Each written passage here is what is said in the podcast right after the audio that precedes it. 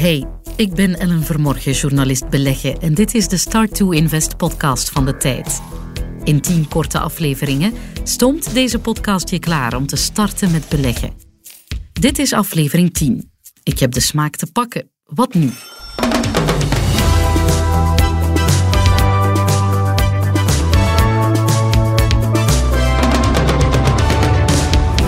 Hehe, we zijn er. De laatste aflevering van deze reeks. Als je hier al bent sinds aflevering 1, dank je wel en natuurlijk proficiat. Hopelijk heb je veel bijgeleerd en ben je klaar om te starten met beleggen. Met de kennis die je in deze podcast hebt opgedaan, ben je goed gewapend om er een mooie start van te maken. In deze aflevering gaan we je nog een stapje verder op weg helpen en je vertellen waar je naartoe kan na deze podcast. Bereid je voor op heel wat nuttige tips en ook op wat schaamteloze zelfpromotie.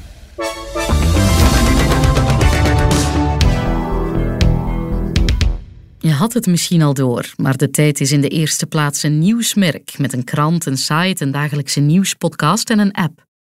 En laat nieuws over de beurs en beleggen nu toevallig één van onze specialiteiten zijn. Christophe de Rijke is de chef van onze beleggerredactie. Mijn baas dus. Als team zijn we dag en soms ook nacht in de weer om het reilen en zeilen op de beurs in kaart te brengen en correct te analyseren. Dit is wat je van ons mag verwachten.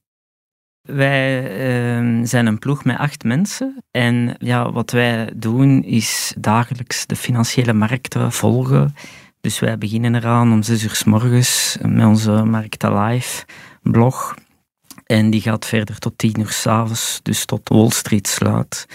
Dus die Live blog is wat mij betreft eigenlijk het kloppend hart van beleggen.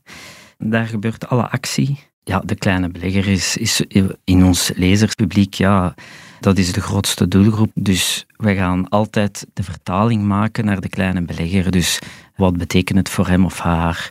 Dat is dan vooral bij de artikels met uh, duiding en analyse gaan we proberen om uh, bepaalde zaken te kaderen. Denk ook bijvoorbeeld aan uh, wanneer er een verkoopgolf plaatsvindt op de markt. Dan gaan we daar eens bij stilstaan, gaan we eens naar de waarderingen kijken. Het is niet dat we een advies geven, want we zijn geen beleggingsblad.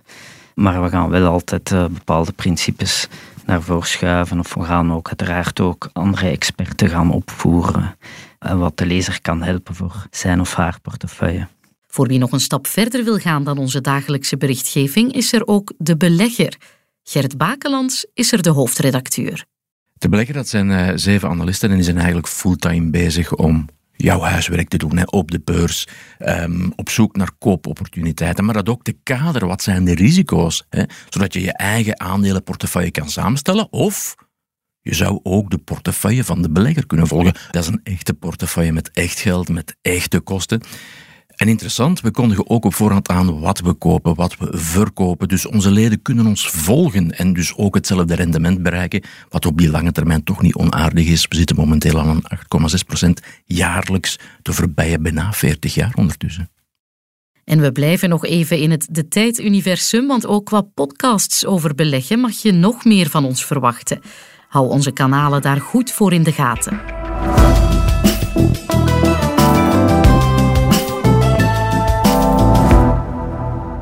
Als je deze Start to Invest podcast hebt beluisterd, ben je goed op weg om succesvol te starten met beleggen. Maar in tien afleveringen kan je ook maar een beperkte hoeveelheid informatie kwijt. Daarom dit fragment.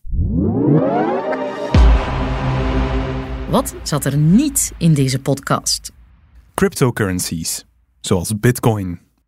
Om te beginnen, niet omdat we dat niet interessant of relevant vinden, maar omdat het ons voor een Start to Invest podcast te ver zou leiden. Wie er meer over wil weten, er zijn talrijke boeken en sites, waaronder de onze, over volgeschreven. En voor wie er een hoop geld mee wil verliezen, gelieve u te wenden tot de dichtstbijzijnde 15-jarige die net de nieuwste coin heeft ontdekt, die to the moon zal gaan.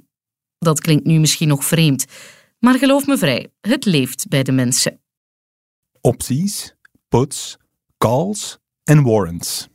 Omdat het manieren zijn om te handelen op de beurs voor gevorderden, met hun eigen risico's en beloningen. Je zal de benamingen waarschijnlijk tegenkomen tijdens je beleggingsavontuur. Kort gezegd zijn het contracten die je de mogelijkheid geven om een financieel instrument voor een vooraf afgesproken prijs te kopen of te verkopen binnen een bepaalde tijdspanne. Best tricky stuff dus. Shorten. Shorten is een manier om in te spelen op een koersdaling. Je leent aandelen, verkoopt ze en koopt ze later terug aan een hopelijk lagere prijs wanneer je de geleende stuks moet teruggeven. Het verschil is voor jou als winst. Als je natuurlijk correct kan voorspellen wanneer een aandeel zal dalen, ja, daar krijg je soms hoofdpijn van. Shorten is niet zonder risico. Dat kan elke belegger die de jongste jaren short ging in het aandeel Tesla je vertellen. Je kunt wel overtuigd zijn van jouw grote gelijk, maar daar koop je niks mee als de markt het tegenovergestelde blijft denken en de koers de stratosfeer instuurt. Dat waren ze zowat, de belangrijkste dingen die niet in deze podcast zaten, maar nu eigenlijk toch wel. Hier bij de tijd zijn we grote fans van het geschreven woord. Dus met die pocherige omschrijving van wat normale mensen een boek noemen, heb ik een aantal journalisten gevraagd om ons als afsluiter nog hun favoriete boek over beleggen mee te geven. Hey, ik ben Dries Kuppes, de schrijver en producer van deze podcast. En mijn favoriete boek over beleggen is A Random Walk Down Wall Street van ene Burton G. Malkiel. Omdat het alle meest gebruikte beleggingsstrategieën wetenschappelijk gaat analyseren en concludeert dat de meest luie sit back and relax strategie de beste is voor de meeste mensen. Namelijk, stop je geld op regelmatige basis in een breed gespreid indexfonds aan lage kosten. We spreken er niet meer over en tegen je pensioen kan je genieten van een mooi extraatje. Als mens die fundamenteel tegen overbodige inspanningen is, spreekt mij dat heel erg aan. Ik ben Serge Wampa, journalist beleggen bij De Tijd. En uh, ik raad absoluut als boek The Intelligent Investor van Benjamin Graham aan. Dat is een boek uh, met wat data op de teller uit 1949, maar het vormt bijvoorbeeld de bijbel voor Warren Buffett, de rijkste belegger ter wereld. Het is eigenlijk de basis voor elke beleggingsstrategie. En wat goed is, het beschrijft ook de meest voorkomende fouten van beleggers, zoals te snel verkopen. Let Your Profits Run is een van de stellingen uh, van uh, Benjamin Graham. Dat betekent eigenlijk dat bedrijven die een concurrentieel voordeel hebben tegenover anderen, qua producten, qua diensten, qua winstmarge, qua technologie, dat die eigenlijk niet één jaar, maar eigenlijk decennia beter zullen presteren dan het beursgemiddelde. Zo is Buffett bijvoorbeeld aan aandelen gekomen als Coca-Cola. Het bedrijf heeft merken die je toch blijft kopen, ook al worden de tijden een beetje slechter.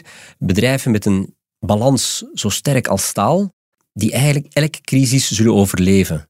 Dus daar gaat het om. Die intelligent investor is ja, heel interessante, maar een beetje oude lectuur. Dus niet echt zo fun om te lezen.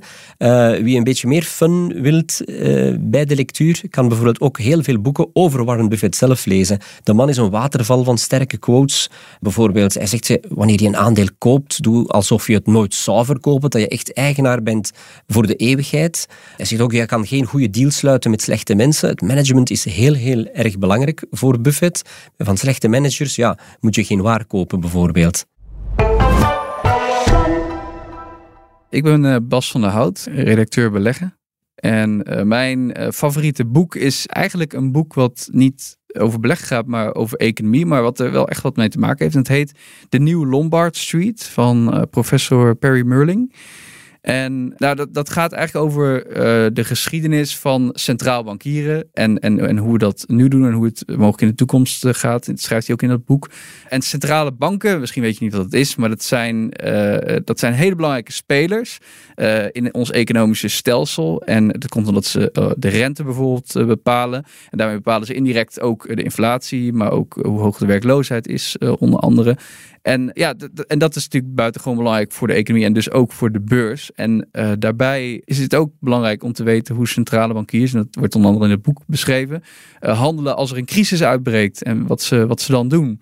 Dus uh, ja, dat, dat is waar het boek over gaat. En hier zijn we dan, het echte einde van deze Start to Invest podcast. Maar hopelijk wel de start van jouw succesvol beleggen avontuur. Hopelijk tot snel in een van onze podcasts of tot op tijd.be.